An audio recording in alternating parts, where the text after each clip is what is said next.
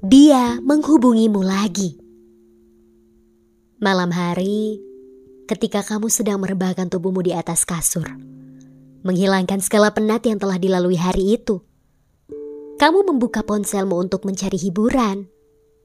Tapi tiba-tiba ada sebuah notif masuk di ponselmu. Notif dari Instagram.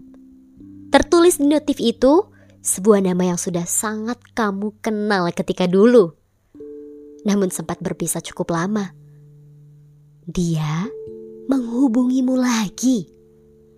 Seseorang dari masa lalumu kembali datang ke hidupmu. Sebelumnya kamu telah memblokir semua kontaknya. Mulai dari Instagram yang kamu blokir, line yang dihapus, sampai nomor WhatsApp-nya pun kamu blokir, lalu kamu hapus dari ponselmu. Waktu demi waktu kamu mulai bisa berdamai dengan keadaanmu saat itu kamu mulai bisa menerima kalau hubunganmu dengan dia di masa itu telah berakhir. Dan kamu mulai merasa kalau kamu sudah sanggup melupakan dan mengikhlaskan dia. Akhirnya kamu mulai berani untuk membuka kembali semua akunnya dari blokiranmu, termasuk akun Instagram dia. Namun tiba-tiba dan tanpa aba-aba, hari ini dia menghubungi lagi. Seketika itu kamu jadi kaget Hah? Serius nih dia nge-DM aku lagi? Cukup panik kamu lihat notif itu. Dan kamu tidak cepat-cepat membuka notifnya. Kamu masih terus melihat notif itu seolah berusaha menyadarkanmu bahwa ini hanyalah imajinasimu. Sayangnya itu bukan imajinasi. Dan dia memang benar-benar menghubungimu lagi. Menanyakan bagaimana kabarmu. Aduh, kamu menutup ponselmu, lalu meletakkannya, sambil pikiranmu menerawang ke langit-langit. Kamu masih belum juga membuka notif itu. Lalu tanganmu kembali mengambil ponsel dan membukanya. Namun, bukan untuk membuka chat dari dia lalu membalasnya. Kamu justru menghubungi teman dekatmu. Dengan excited kamu mengabari teman dekatmu kalau dia, seseorang dari masa lalumu, kembali menghubungimu. Kamu bertanya, harus gimana? Apakah diabaikan aja atau sebaiknya dijawab seadanya? Sebenarnya dalam hatimu sudah ada jawabannya. Kamu sebenarnya ingin segera cepat-cepat bales chat dari dia. Namun kamu butuh dukungan dan pendapat dari teman dulu untuk menguatkan jawabanmu. Dan apa pun jawaban yang temanmu berikan, sebenarnya kamu gak dengerin-dengerin banget sih. Kamu hanya meluapkan rasa excitedmu aja. Karena sebenarnya udah ada jawaban dalam hatimu yang greget ingin buru-buru balas chat dari dia. Namun malam ini, kamu memutuskan untuk menahan dirimu terlebih dahulu. Kamu memutuskan untuk tidak membalas chatnya. Kamu khawatir kalau semua usaha yang kamu kerahkan untuk berusaha melupakan dan mengikhlaskan dia, seketika menjadi sia-sia hanya karena kembali berkomunikasi lagi dengan dia. Seolah-olah seluruh pertahanan batinmu, hatimu hancur membabi buta begitu mendapatkan notif dari dia. Seolah-olah seluruh usaha yang kamu bangun untuk melupakan dia menjadi hancur porak-poranda. kamu memang tidak membalasnya. Tapi seisi pikiranmu masih terpenuhi dengan chat dari dia yang sengaja kamu abaikan.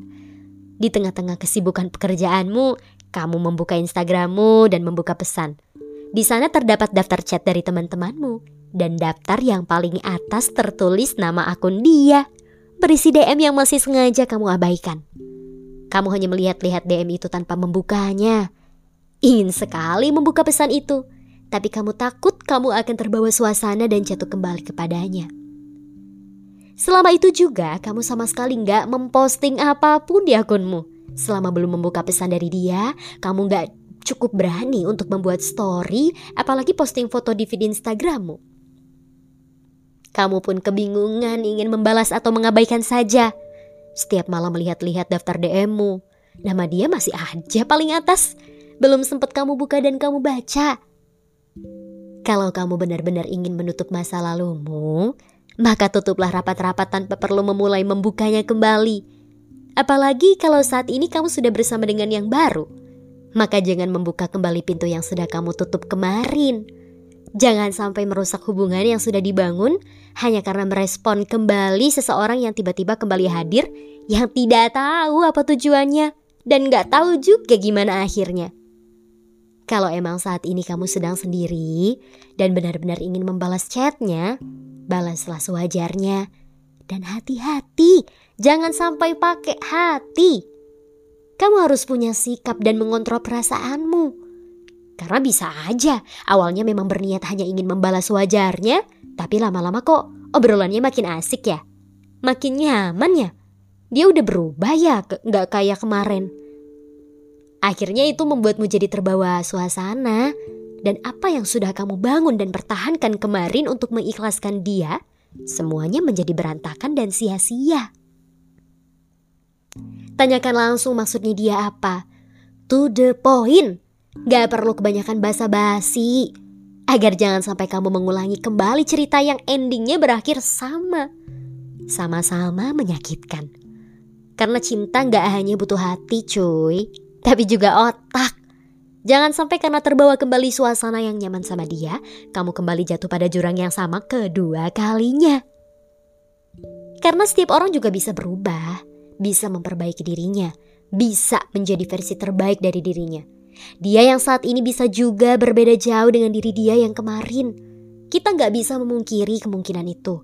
Yang seperti itu juga bisa saja terjadi kan? Dia udah jadi versi yang lebih baik dan lebih bisa menghargai dirimu.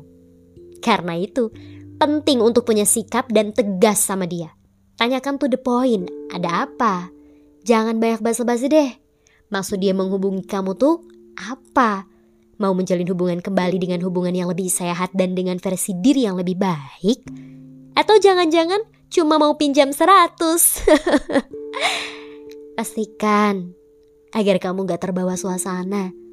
Kalau ternyata dia hanya ingin main-main lagi, bilang ke dia, mending cari taman bermain yang lain aja sana.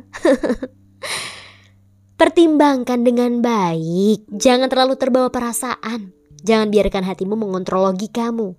Ada porsi masing-masing antara kapan harus menggunakan hati dan kapan menggunakan logika. Keputusan untuk membalas dan merespon dia yang kembali menghubungimu lagi sepenuhnya ada pada dirimu sendiri. Oke oke, sampai ketemu di podcast selanjutnya ya. Wajib dengerin.